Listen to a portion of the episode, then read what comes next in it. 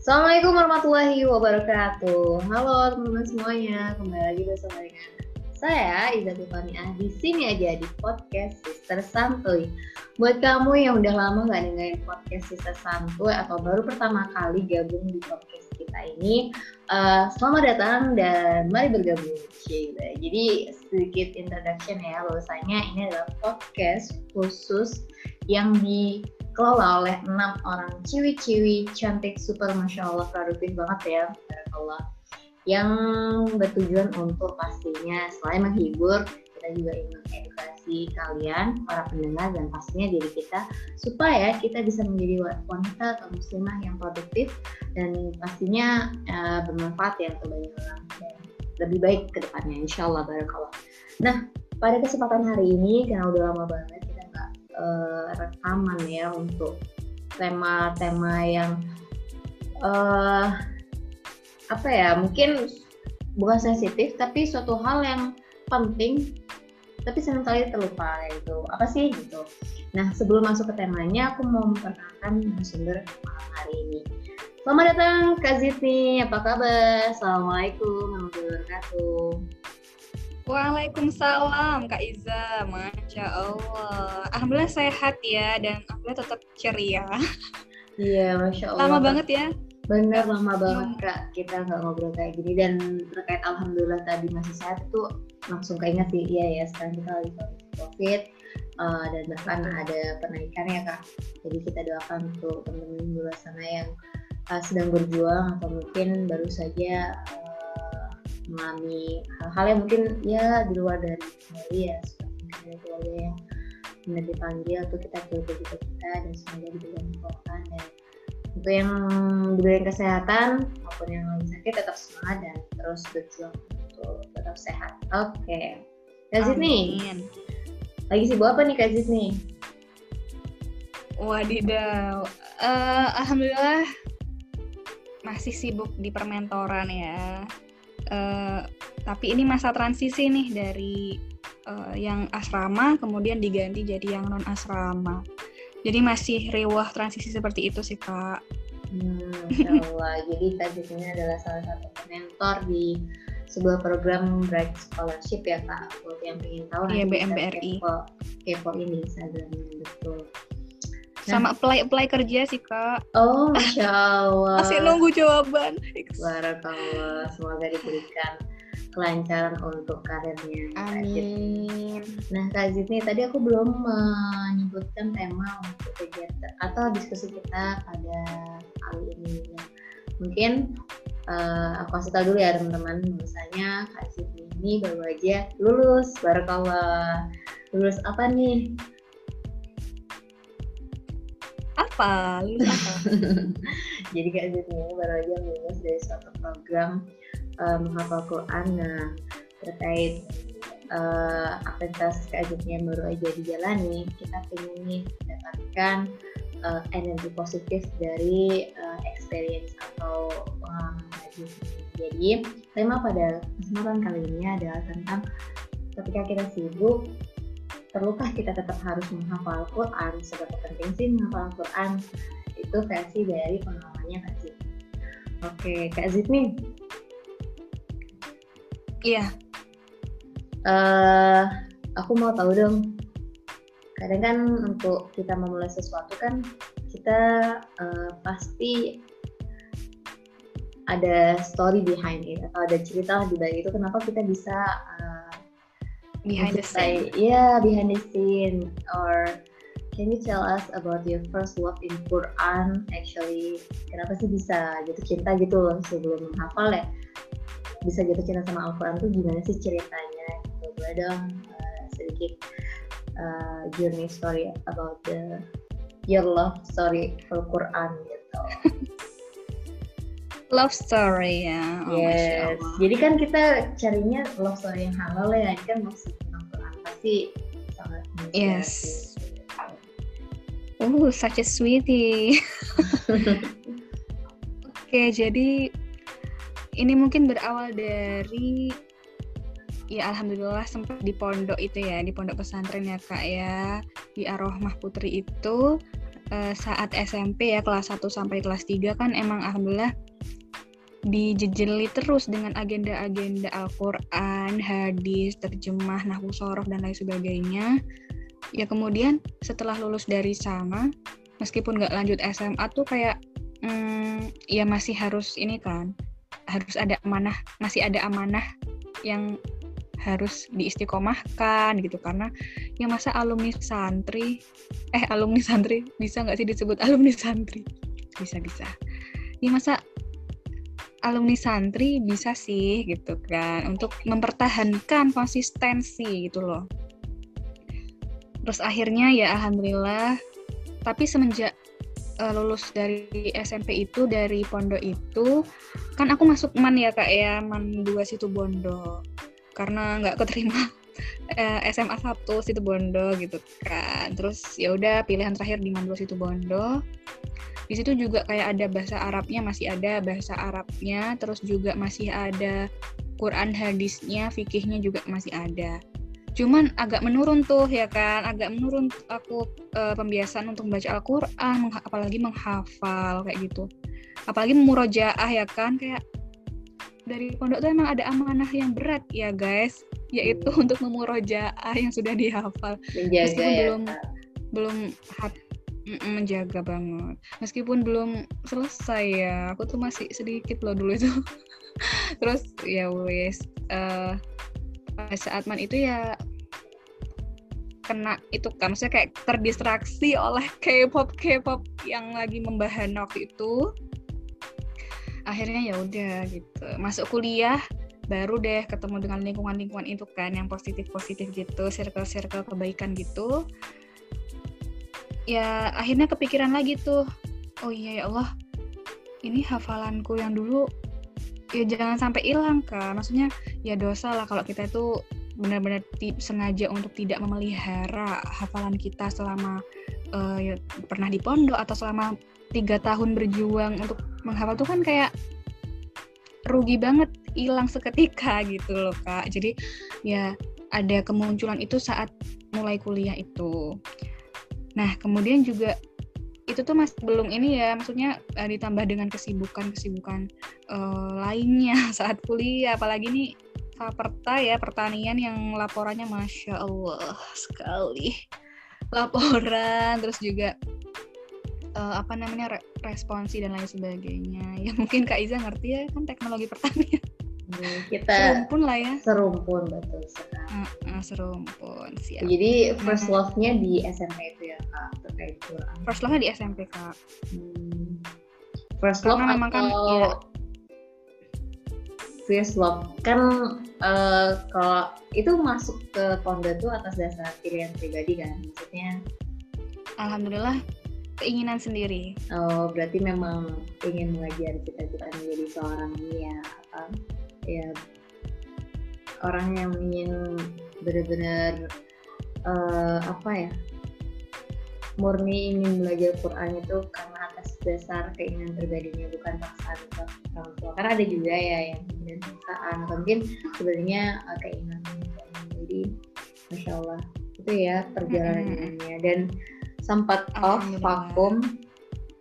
Tapi dilanjut saat lagi. lulus. Oh saat lulus. Berarti uh, eh, CLBK-nya sama Quran itu pas lulus itu ya? Uh, pas kuliah. Oh, pas kuliah. Terus diteruskan sampai sekarang. Justru ya? di man aku nggak nggak terlalu kurang dapat ya kak. Intens. Hmm, oke oke oke. Iya begitulah. Begitu ya. Emang setiap proses itu setiap uh, apa ya perjalanan itu ada naik turunnya ya. Nggak bisa kemudian kita bukan nggak bisa tapi suatu perjuangan juga untuk bisa menjaga itu semua gitu ya agar tetap stabil atau bahkan bisa naik gitu ya. Oh ya sebelumnya kita mau menyambut uh, Kak Tutut dulu nih Barakallah. Selamat datang Kak Tutut. Bagaimana kabarnya? Halo Tutut. Halo, Masya Allah. Masya Allah, Alhamdulillah. Terima kasih semuanya teman-teman. Alhamdulillah baik di sini. Masya Allah. Seru ya obrolannya tentang Al-Quran. Masya Allah. Baru mulai nih Ustazah. Ustazah, Ustazah, Masya Allah, para Ustazah Iya, ini mah. Iya, Masya. Allah. Nah, mumpung ada Kak Tutut nih juga, kita mau tanya juga first love-nya Kak Tutut dalam menemukan kecintaannya terhadap Quran tuh kapan sih kejadiannya atau gimana sih ceritanya gitu. Kalau Kak Aziz ini kan first love-nya itu mungkin dari kecil kita sudah diajarkan atau sudah dikenakan dengan Al-Quran oleh keluarga. Namun kan secara kesadaran, kapan sih kita tuh secara sadar eh, kecintaan terhadap Quran itu mulai muncul. Nah kalau Kak Aziz ini tadi cerita itu munculnya ketika SMP, ketika kuliah, apa ketika mondok. kayak gitu. Nah kalau Kak Tutut nih, boleh cerita dong first love-nya ke Quran ini gimana? Your love, first love Oke. story about Bismillahirrahmanirrahim. Makasih Kak Iza udah diberi kesempatan buat ya sedikit lah ya. Kalau dibilang eh, mau eh, memulai memulai hafalan itu pada saat kuliah. Jadi baru banget gitu kan ya. Pada saat kuliah itu baru mulai juz 30 dari surat-surat yang belakang itu pendek di mentoring. Jadi di ada ya biasa ya hafalan meskipun satu ayat, dua ayat, ternyata setiap minggu harus nambah, ternyata ketagihan dari situ. Dan alhamdulillah sampai itu berlanjut sampai sampai lulus kuliah. Tapi pada saat kuliah itu aku ngerasanya cuman belum dapet feel-nya gitu loh. Kita aku cuman pengen kayak nambah-nambah aja, nambah nambah tahu apa ya tahu eh, manfaatnya menghafal Al-Quran tahu betapa besarnya hmm, pahala yang akan didapatkan se yang didapatkan oleh penghafal Al-Quran tetapi belum dapat kayak feel kenapa sih kok aku harus menghafal Al-Quran gitu loh. Ngerti nggak sih maksudnya? Kenapa kok aku harus eh, harus pegang kuat nih Al-Quran gitu? Tapi dalam masa itu aku mencoba untuk nambah nambah terus gitu kan. Sela, lagi pas mentoring nambah meskipun satu ayat dua ayat. Nah pas jatuh cintanya dengan Al-Quran itu malah setelah aku lulus kuliah. Jadi baru banget ya. Baru banget ya tentang gimana sih kok. Aku itu harus benar-benar mencintai surat cinta dari yang menciptakan kita boys. Dalam banget.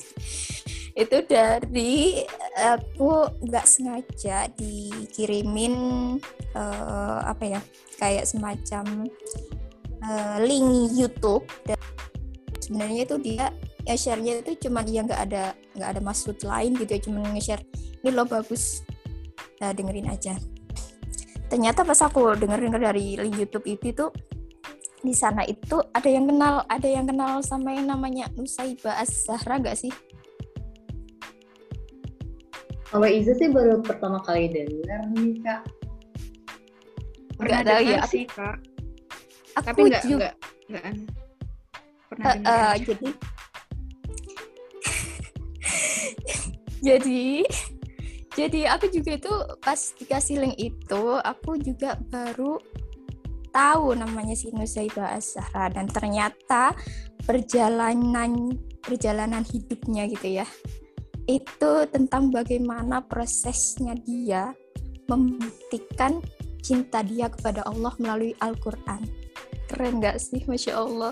Aku di sana itu di dalam link YouTube itu di di YouTube-nya kan diceritain betapa susahnya betapa perihnya betapa pahitnya yang dia telan gitu kan hidup yang dia telan untuk memegang Al-Quran. Dan ternyata menjadi seorang penjaga Al-Quran itu nggak mudah gitu. Dari situ aku ngerasa kayak hello kemarin-kemarin kami ngapain aja? gitu kan kayak kayak ya apa ya?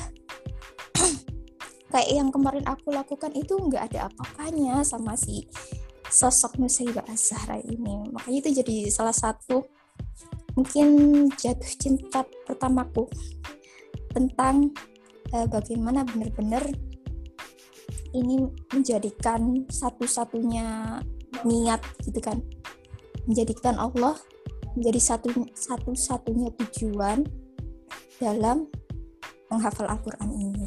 Tuh Kak Iza dan Kak Zidni jadi ada salah satu role model yang kemudian menginspirasi ya Kak Tutut ini untuk kemudian uh, mengambil langkah serius untuk menghafal Al-Quran. Karena sebenarnya mungkin ya disampaikan tadi ya kita di awal memang uh, proses penghafal atau mencintai atau mengenal Al-Quran tuh mungkin sudah dari dulu gitu. Mulai dari kecil atau mungkin dari kita sekolah gitu. Ketika remaja gitu, sampai dewasa. Namun memang secara kesadaran uh, kecintaan itu harus apa ya uh, ditemukan gitu kan. Dan kalau misalnya tadi kak tutup menemukan cintanya dengan apa itu secara sadarnya sama kuliah kalau kak Zidin tadi ketika SMP mungkin sebagian dari teman-teman juga sampai detik ini sampai detik ini belum masih ada yang belum menemukan uh, cintanya terhadap aku secara sadar semoga dari diskusi ini nanti kalian bisa mendapatkan itu ya gitu. Nah, aku tertarik banget nih sama sosok seorang Nusaibah Zahra. Kalau boleh diceritain detail kak, itu tuh beliau itu gimana sih kok bisa memilih jalan sebagai penghafal Al-Quran? Dan mungkin dari pengalaman Kak Zidni maupun Kak Tutut atau mungkin dari role modelnya kakak berdua ini boleh dong diceritain gimana pahit atau uh, senangnya menghafal Al-Quran. Karena kan itu suatu proses yang panjang ya nggak bisa dipikiri kita tuh akan berada di titik kejenuhan gitu loh. Ketika kita sudah menemukan motivasinya untuk menghafal Al-Quran how to maintain our spirit for memorizing Quran. Mungkin boleh nih di share Kak Zidni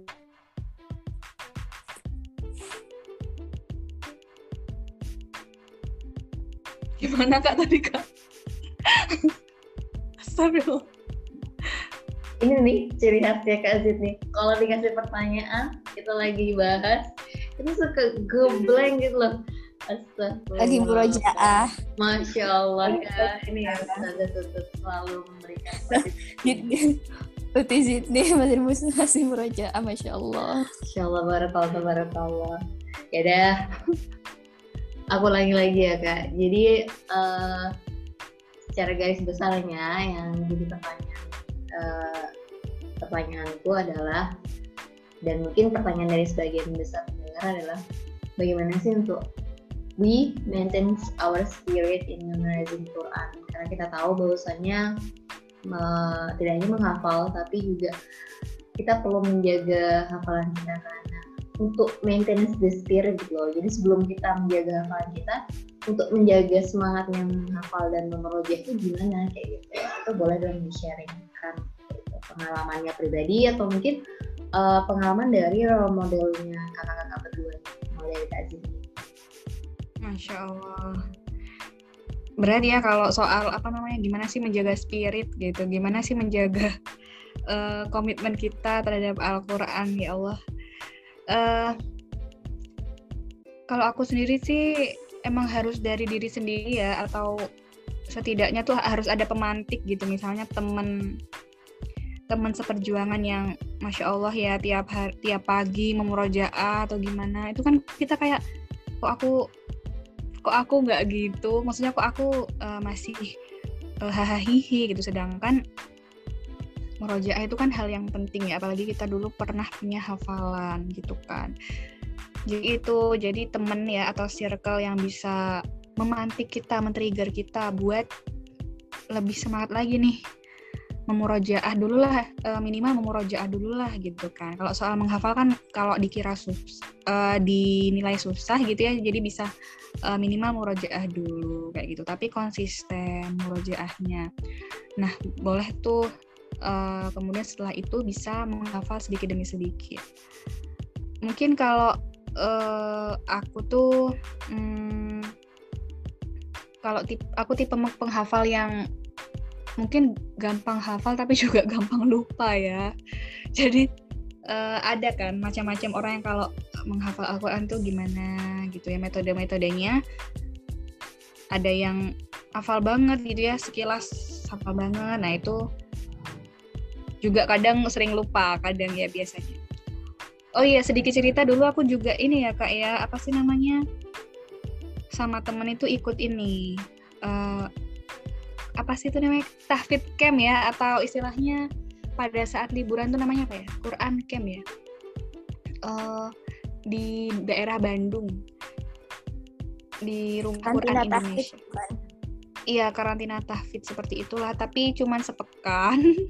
Cuman sepekan ya kak. Jadi di rumah Quran Indonesia uh, ada di Bandung pada saat itu. Iseng-iseng aja sih sebenarnya waktu itu mengisi liburannya sebelum uh, apa namanya hektik dengan pada saat itu posisi belum jadi ini ya mentor. Jadi masih belum keterima kerja gitu. Ya di situ juga alhamdulillah uh, tertrigger kembali gitu loh. Maksudnya yang ikut program itu tuh kebanyakan anak-anak SMA ya maksudnya anak-anak di bawah kita gitu loh umurnya. Jadi kayak ya Allah aku yang sudah umur segini kok masih seperti ini gitu kan. Jadi ya eh, kembali lagi menyadarkan gitu. Cuma pada saat itu cuman eh, tujuh hari ya sepekan aja. Jadi ya nggak kurang maksimal lah untuk uh, targetan menghafalnya ya alhamdulillah di sana juga uh, disadarkan kembali bahwasanya uh, murojaah itu penting banget. Nah, lingkungan-lingkungan seperti itu tuh penting untuk kita ya. Kan banyak ya yang mengeluhkan kayak misalnya uh, adik-adik mahasiswa banyak loh yang bercita-cita kayak mm, pengen banget menghafal gitu dan juga pengen jadi hafizo atau hafiz tapi terkendala dengan lingkungan yang tidak mendukung. Nah, itu tuh ya dari diri kita sendiri harus uh, berinisiatif untuk mencari lingkungan-lingkungan yang baik dan lingkungan lingkungan yang sevisi lah istilahnya seperti itu. Emang susah sih kalau berada di lingkungan yang heterogen. Ya pinternya kita aja dan menguatkan menguatkan komitmen kita aja kayak gitu kekonsistenan juga. Kayak gitu sih Kak. Jadi temukanlah lingkungan terbaikmu untuk saat ini kayak gitu.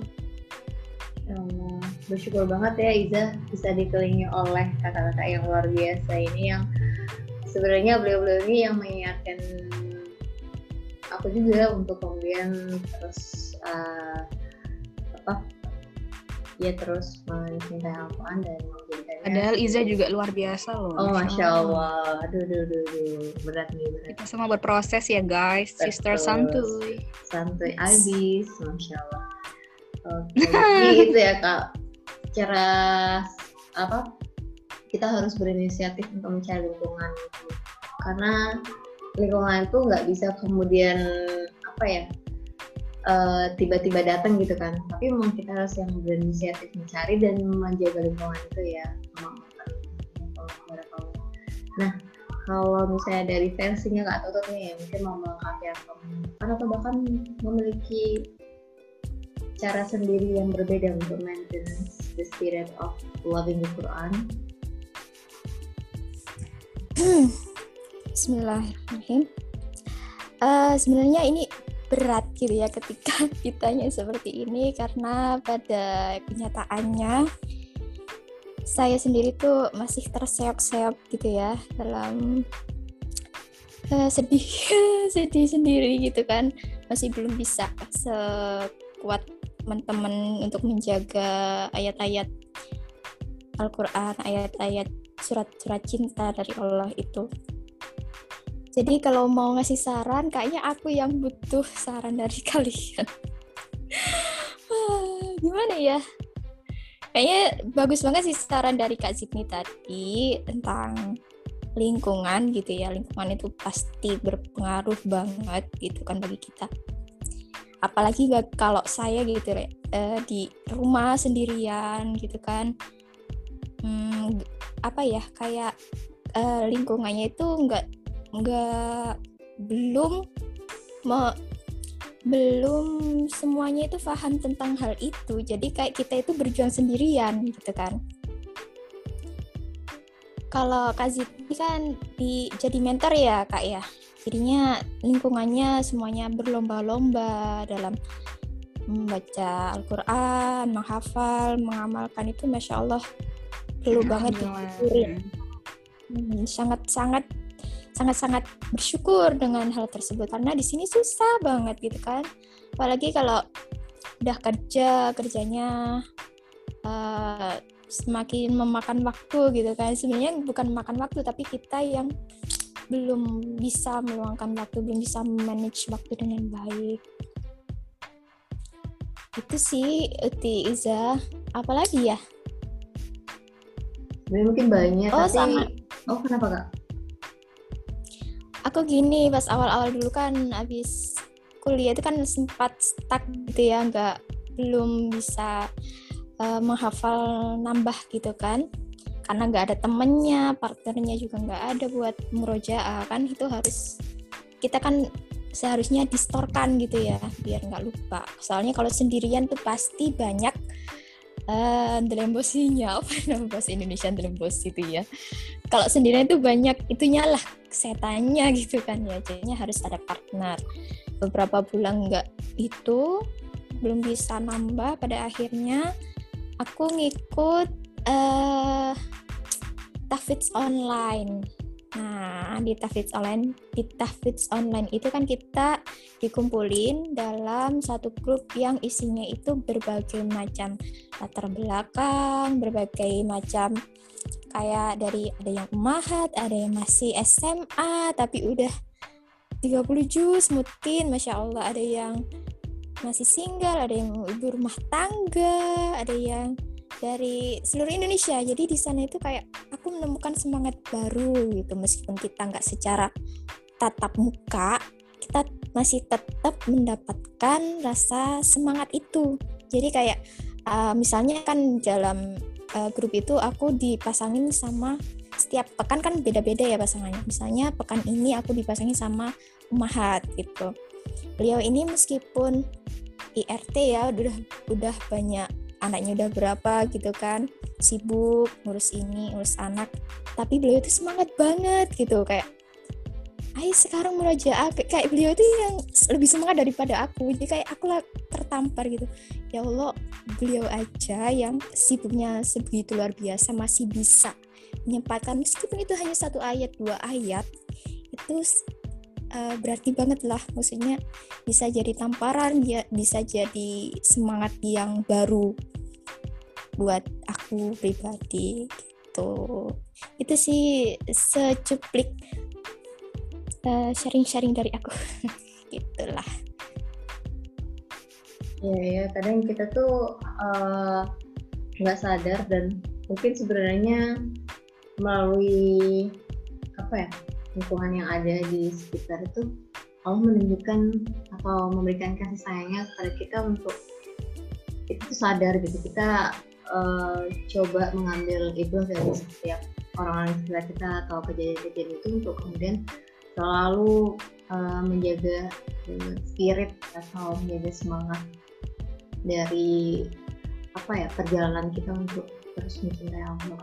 Ya insya Allah dari luar biasa ya. Jadi uh, itu suatu hal yang sederhana namun memang sangat penting untuk kemudian uh, menjadi pegangan dalam menjaga hafalan kita. Menjaga semangatnya maupun menjaga hafalannya tapi kan gini ya kak. Uh, sering kali nih kalau tadi kita sudah menemukan uh, motivasi untuk atau mungkin terlalu modelnya untuk kemudian kita atau waktu titik poin atau kita menemukan kecintaan terhadap Al-Quran. Dan kita sudah menjaga semangat kita dalam hafal sudah memiliki lingkungan gitu tapi sering kali nih dari proses itu itu suatu hal yang akhirnya menjadikan uh, itu tuh jadi kegiatan aktivitas. Bapak jadi bingung ngomongnya gimana ya jadi itu menjadi satu aktivitas tanpa kita uh, apa ya merasakan dampaknya gitu dari kegiatan itu gitu kan. Jadi kayak yaudah kita ngapain aja gitu kan. Jadinya karena aku bingung gitu sebenarnya benar nggak sih apa yang aku lakukan gitu? Karena kalau misalnya kita flashback gitu ya ke kisahnya sah sahabat gitu ya ketika Umar proses ujiannya Umar itu bahwasanya beliau mendengarkan salah satu ayat yang dibacakan oleh saudaranya yang itu bisa mengubah jalan pikirannya yang awalnya sangat membenci Islam, sangat membenci Rasulullah sampai akhirnya menjadi pejuang terdepan gitu dalam memperjuangkan agama Islam dan bahkan dalam menjaga Rasulullah kayak gitu. Jadi boleh nggak sih uh, ceritain kak gimana sih caranya biar dengan kita mencintai Al-Quran tuh kita tidak hanya mencintai tapi juga bisa merasakan cintanya tuh gimana sih gitu. Sehingga kita bisa mendapatkan dampak atau dari kecintaan kita itu ada dampaknya gitu terhadap hidup kita. Karena selama ini jujur uh, yang aku alami adalah menghafal Al-Quran membaca Al-Quran hanya menjadikan rutinitas yang harus aku lakukan. Tanpa aku mendapatkan dampaknya. Atau mungkin sebenarnya aku ngerasain tapi aku nggak nyadar gitu. Boleh dong kasih apa pencerahannya buat aku yang sedang bingung ini. Pencerahan. Mari kita break brightness kan ya guys. Eh kalau aku boleh curhat ya guys. Masya allah. Jadi tuh sebenarnya maksudnya hmm, mungkin aku kemarin baru ikut ya program yang uh, aku bilang ke Iza itu yang tadi Iza juga intro ngafal ngefeel gitu ya. Maksudnya salah program salah satu uh, ahwat-ahwat yang inisiatornya itu dari Jakarta ya kalau nggak salah. Ini dari Jakarta dan itu berdua gitu. Dan mereka bersahabat gitu loh ahwat-ahwat yang bersahabat. Terus kayak mungkin Hafizoh ya terus kayak menginisiasikan program itu. Aku coba ikut aku coba ikuti karena memang uh, ada kayak temen yang selalu nge-share poster weekly insight gitu. Kayak satu ayat itu terdiri dari banyak insight dan itu aku baru tahu gitu loh. Maksudnya wah keren ya. Maksudnya bahasanya bisa uh, milenial banget. Nah akhirnya aku daftar lah kemarin itu. Uh, dan ternyata memang benar maksudnya uh, keren gitu metode menghafalnya. Jadi kayak kita nggak memikirkan kuantitasnya ya tapi seberapa dalam kita menyelam ke dalam uh, ayat demi ayat. Dan itu tuh benar-benar aku baru tahu di situ gitu kan. Uh, tafsir-tafsirnya kemudian juga sekaligus belajar bahasa Arabnya uh, kosakata gitu kan. Terus juga ada hikmah apa di ayat tersebut kayak gitu. Nah sebenarnya kayak motivasi aku ikut itu tuh karena ya mungkin semua manusia kan punya kebiasaan buruk ya. Ya aku coba men-challenge diri aja sih kayak biar gak terbiasa dengan kebiasaan buruk itu aku pengen setidaknya ada uh, apa ya hal yang bisa menghindarkan aku dari kebiasaan itu gitu. Gitu guys. Jadi kayak uh, menghafal Al-Quran itu yang pertama bisa uh, memudahkan kita untuk terhindar dari hal-hal yang uh, bersifat maksiat gitu ya. Terus yang kedua juga ketika kita memprioritaskan Al-Quran tuh rasanya urusan dunia tuh juga Allah mudahkan dengan sangat mudah gitu ya ini juga berdasarkan pengalaman dari adik asramaku yang alhamdulillah hafalannya sudah hampir berapa ya? Hampir berapa juz ya dia? Pokok sampai surat atau bah ya sekarang atau kalau nggak Al-An'am. Nah, jadi dia itu adik asramaku ini ini maksudnya uh, termasuk aktivis gitu ya dan juga kemarin alhamdulillah jadi mawapresnya Fakultas Ilmu Budaya gitu uh, di UNED dia tuh tiap hari ya maksudnya emang selain targetan dari YBM BRI ya instansi yang pemberi beasiswa itu ya dia uh, sadar gitu loh bahwasannya tiap hari itu harus murojaah kan. Rajin emang.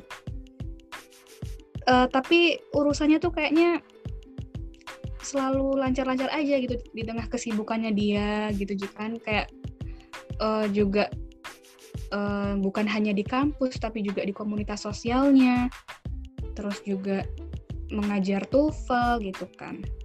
Tapi kayaknya uh, ya Allah permudah gitu malah dia menjadi uh, apa ya kayak misalnya brandingnya tuh bagus gitu di organisasinya maupun di komunitasnya. Jadi aku mikirnya uh, ketika mau menghafal Quran terus kayak kepikiran, aduh belum selesai tugas satu, belum selesai laporan, belum selesai urusan uh, rumah kayak gitu tuh salah ya. Jadi kayak kita, aku juga dikasih tahu Ustazah Tahsin ya kayak yang uh, mengajar Tahsin di asrama setiap Sabtu pagi. Ini Mbak, kita tuh harus memprioritaskan uh, akhirat dulu. Maksudnya kayak Al-Quran kayak gitu karena bakalan dimudahin gitu loh urusan-urusan dunia lainnya kayak gitu dan itu ternyata kayak banyak ya yang uh, mengalami hal itu. Aku melihat kayak Hafiz Hafizah tuh malah pinter gitu terus malah juga berprestasi kayak gitu. Jadi kayak nggak ada gap gitu loh antara duniawi dan uh, hafalan Quran gitu. Jadinya malah Allah permudah terus Allah permudah terus. Nah, dari situ kan mungkin kita jadi ini ya, tertrigger lagi untuk lebih cinta sama Al-Quran, kayak gitu. Terus tadi apa lagi ya?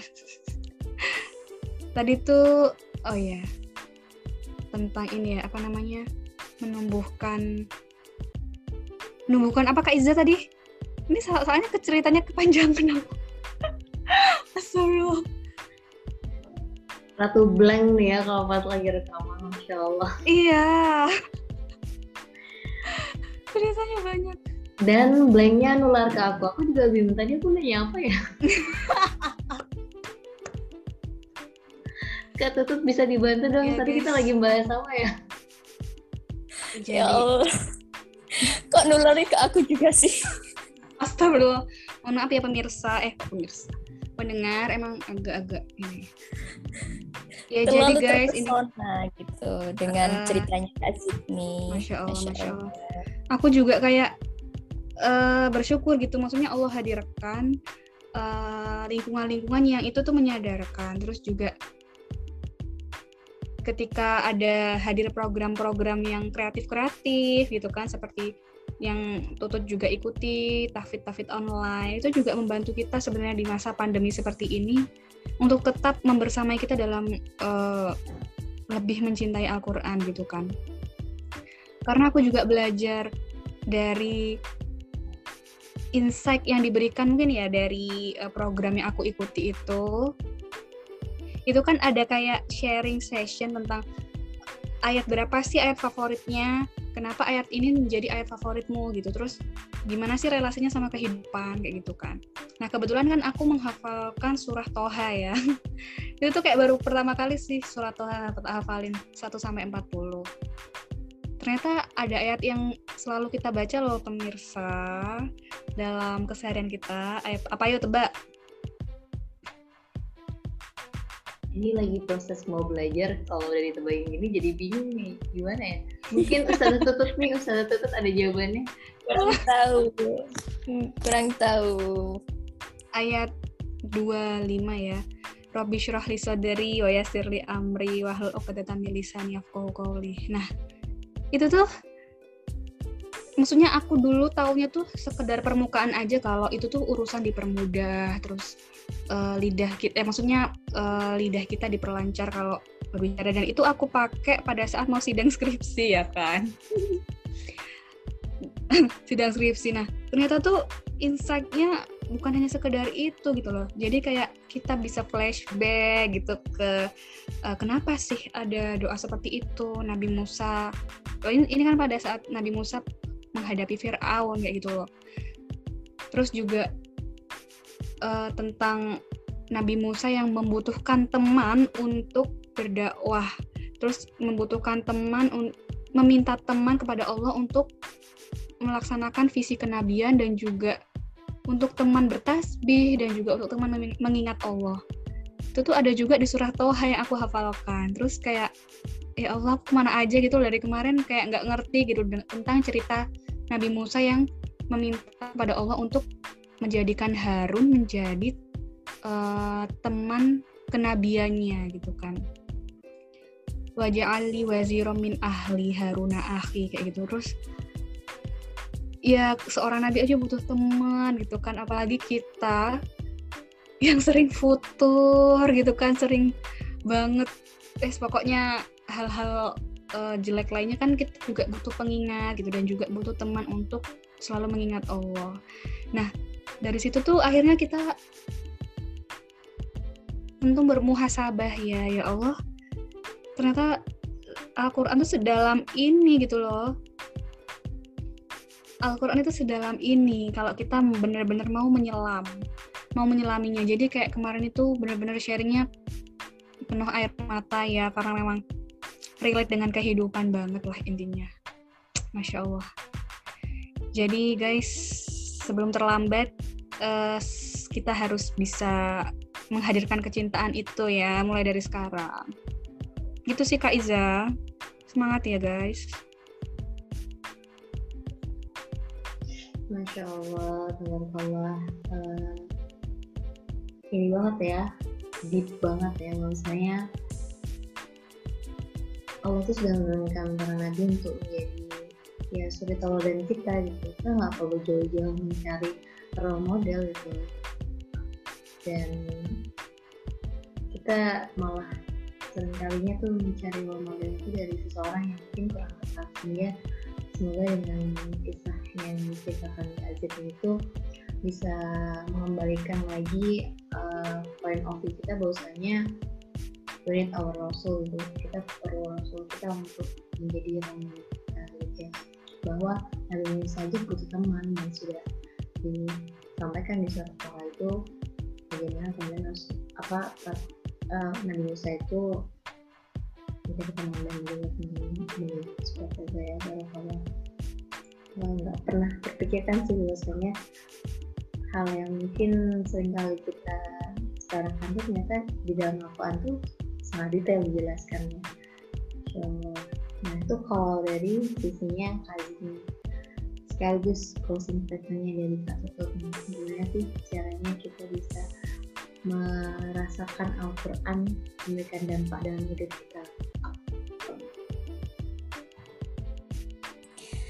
Oke, jadi kalau aku boleh uh, bisa ngasih uh, sharing, gimana sih kita, caranya kita biar bisa ngerasain ya yang surat cinta itu gitu kan. Yang pertama uh, rasa itu akan berbanding lurus dengan kebersihan dan kejernihan hati. Kejernihan hati dalam kita, dalam tubuh kita, dan sebanding lurus juga dengan tingkat keimanan dan keyakinan kita kepada sang yang menciptakan surat cinta itu gitu kan ya kadang-kadang kalau aku uh, agar agar apa yang aku hafalkan itu nggak sekedar kayak membaca membaca sesuatu yang biasa. Itu aku biasanya sebelum menghafal itu pahami dulu artinya. Jadi kayak apalagi yang juz 30, juz 29 itu kan banyak tentang kebesaran Allah gitu ya tentang hari kiamat tentang kematian itu yang kalau kita hafal dan kita uh, kita baca ayat itu dan kita tahu artinya gitu kan kita kayak ngerasa ya Allah Allah itu sedang kayak ngomong di depanku gitu. Kayak dan itu semua bisa dirasakan kalau kita hatinya juga bersih gitu. Dan hati bersih itu gak akan bisa didapat kalau kita masih maksiat gitu kan. Jadi ya semuanya itu saling terhubung gitu kan. Dan semuanya itu pasti nggak mudah.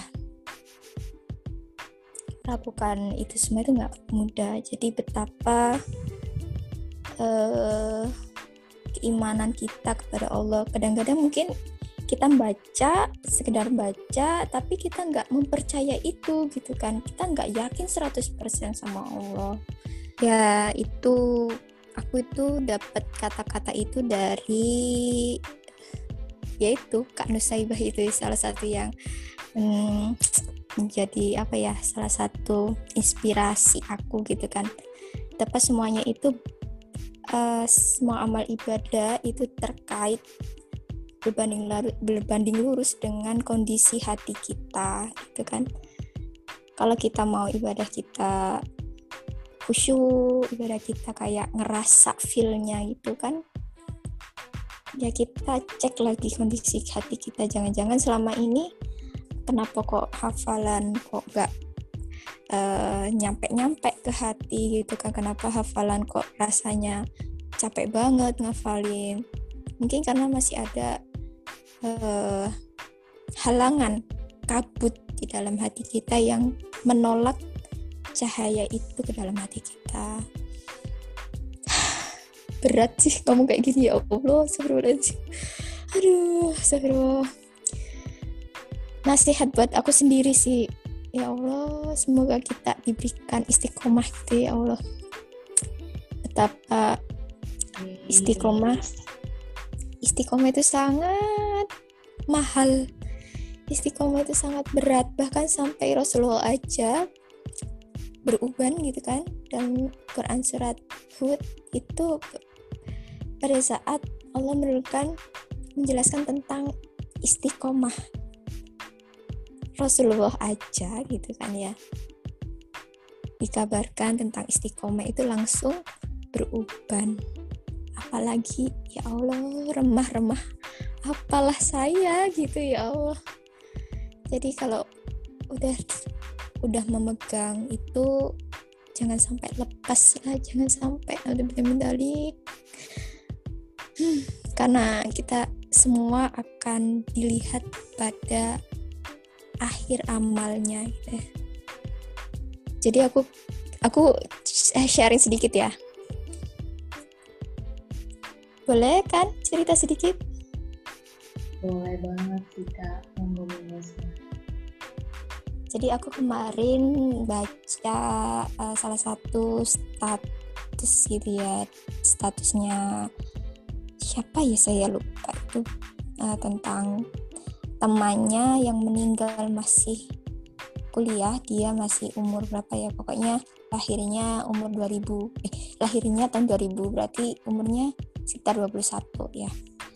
Di umur 21 itu dia meninggal pernah ada yang tahu nggak ceritanya? Di umur 21 itu si anak laki-laki ini meninggal. Tapi yang bikin kagum itu di cerita ibunya gitu ya. Dia ini sakit sakit kanker leukemia kalau nggak salah. E, dari cerita ibunya sebelum dia meninggal itu dia sempat membaca dengan lantang kalimat la ilaha illallah muhammadur rasulullah jadi itu kayak uh, apa itu adalah goals seluruh umat Islam gitu ya. Betapa dengan mudahnya anak laki-laki itu beruntung sekali gitu kan mengucapkan kalimat itu dengan mudah sekali. Padahal sebelumnya juga sebelum dia meninggal dia sempat murojaah surat al-mulk gitu kan surat uh, ya surat-surat gitu. Terus sebelum dia uh, sebelum dia membaca kalimat La ilaha illallah Muhammad Rasulullah itu dia tuh bertanya kepada Abi Uminya gitu kan. Abi Umi kalau aku meninggal apakah aku meninggal dalam keadaan syahid gitu? Kata orang tuanya insya Allah kamu akan meninggal dalam keadaan syahid. Soalnya di atas ranjang gitu kan. Berjuang melawan penyakitnya. Dan kemudian dia berkata lagi maaf ya abikmi saya belum bisa membebaskan Palestina gitu. Di detik-detik dia mau meninggal gitu masih bisa memikirkan Palestina gitu. Terus dia berkata lagi ya Allah uh, buktikanlah janjimu bahwa di depanku di sana telah menunggu para bidadari-bidadari surga. Jadi dia itu sudah apa ya kayak uh, sudah rindu sudah di depan matanya sudah meninggal tapi rindu. Kepingin segera bertemu dengan semua janji-janji Allah gitu setelah aku kayak uh, penasaran gitu kan aku lihat ini IG-nya siapa sih gitu ya. Aku lihat di uh, jejak jejak digitalnya si laki-laki yang sudah meninggal ini betapa isinya apa ya meskipun dia masih muda dia itu masih apa ya dia itu semangatnya tentang Palestina tentang tentang Al-Quran di setiap di setiap statusnya itu mengandung hikmah gitu. Jadi meskipun dia meninggal itu tetap membacanya itu masya Allah masya Allah gitu kak. Ya Allah itu betapa tujuan atau goal semua umat Islam itu sudah dia dapatkan gitu. akhir yang akhir yang diimpi-impikan oleh semua semua umat Islam menurut aku sih gitu. Jadi itu kayak nampar banget lah kita nggak akan pernah tahu gitu kan. Ya Allah kita dimatikan pada saat kapan, di mana dan dalam keadaan apa. Itu sih yang bikin aku berderai-derai membacanya. Subhanallah. Allah speechless ini mau apa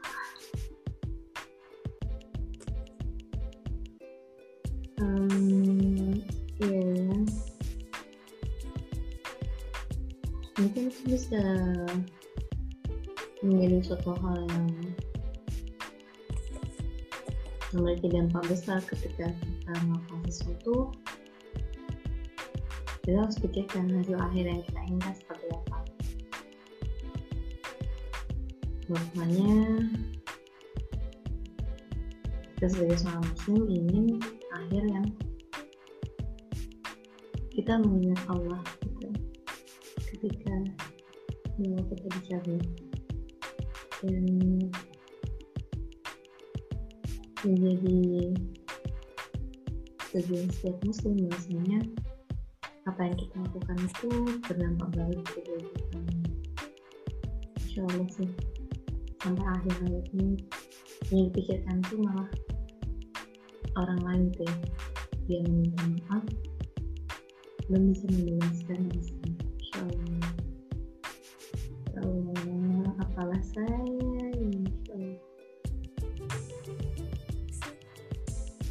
Hmm, gimana nih? Bingung saya. hmm.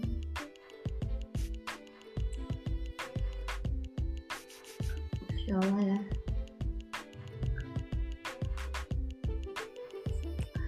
Berniat untuk mencari motivasi dalam menghafal Al-Quran, tapi insya Allah hari ini justru kita semua mendapatkan cerita luar biasa yang semoga tidak hanya Iza juga teman semua bisa merasakan betapa cerita yang tadi disampaikan oleh Kak itu bisa menjadi inspirasi dan salah satu contoh umat Rasulullah terbaik yang dalam menjalankan amanahnya menjadi seorang hamba dan khalifah di bumi ini itu tidak hanya sekedar menuntaskan kewajibannya tapi juga benar-benar memahami apa yang dikerjakan itu satu hal yang apa ya? Bingung apa yang kita kata yang beliau kerjakan adalah suatu hal yang secara sadar beliau tahu itu akan membangun ya. Bikin akhirnya itu dari Allah dan masuk surga insya Allah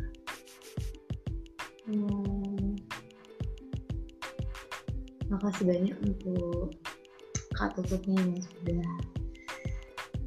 menceritakan kisah yang sangat menginspirasi bahkan membuat saya jadi bingung berkata-kata. Jadi pada intinya semuanya para sister para adik-adik kakak dari diskusi kita pada malam hari ini ya. Kita tahu bahwasanya mencintai Al-Quran itu harus kita temukan segini mungkin secara sadar tanpa paksaan. Mana dalam kita menjaga keistiqomahan dalam menghafal Al-Quran. Maupun menjaga semangat kita dalam menghafal. Carilah bangunlah dan makmurkanlah lingkungan kalian. Lingkungan kita semua. Karena banyak sekali metode banyak sekali cara dan insya Allah kalau misalnya kita mau berusaha Allah akan memberikan jalannya untuk kemudian bisa menjaga diri kita dan selalu mencintai dan tidak hanya mencintai tapi juga menunjukkan kecintaan kita dan menjalankan apa yang kemudian Allah perintahkan menjadi larangannya. Seperti yang sudah disampaikan Kak Zidni maupun Kak Tutut kita harus berjuang dan menjaga komitmen kita. Harusnya kita ingin menjadi penghafal Al-Quran dan tidak hanya menghafal tapi juga menghafal yang memberikan dampak pada kehidupan kita. Bahkan kalau bisa memberikan dampak pada orang lain.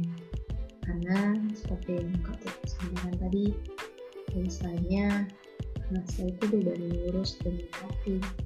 Dan keinginan kita pada sang pemilik surat cinta. Maka untuk memiliki rasa cinta terhadap Al-Quran cintailah sang pemilik surat cinta. Insya Allah itu uh, terima kasih banyak sudah mendengarkan podcast ini sampai akhir. Dan terima kasih banyak juga untuk Aziz nih Kak Toto yang sudah mau sharing dengan kita pada malam hari ini. Semoga kita semua Allah Allah diberikan kesehatan keberkahan sehingga bisa memberikan manfaat dan pastinya bisa terus uh, memperbaiki diri dan memberikan yang terbaik untuk umat. Insya Allah itu dan sampai bertemu di podcast kita episode selanjutnya. Assalamualaikum warahmatullahi wabarakatuh.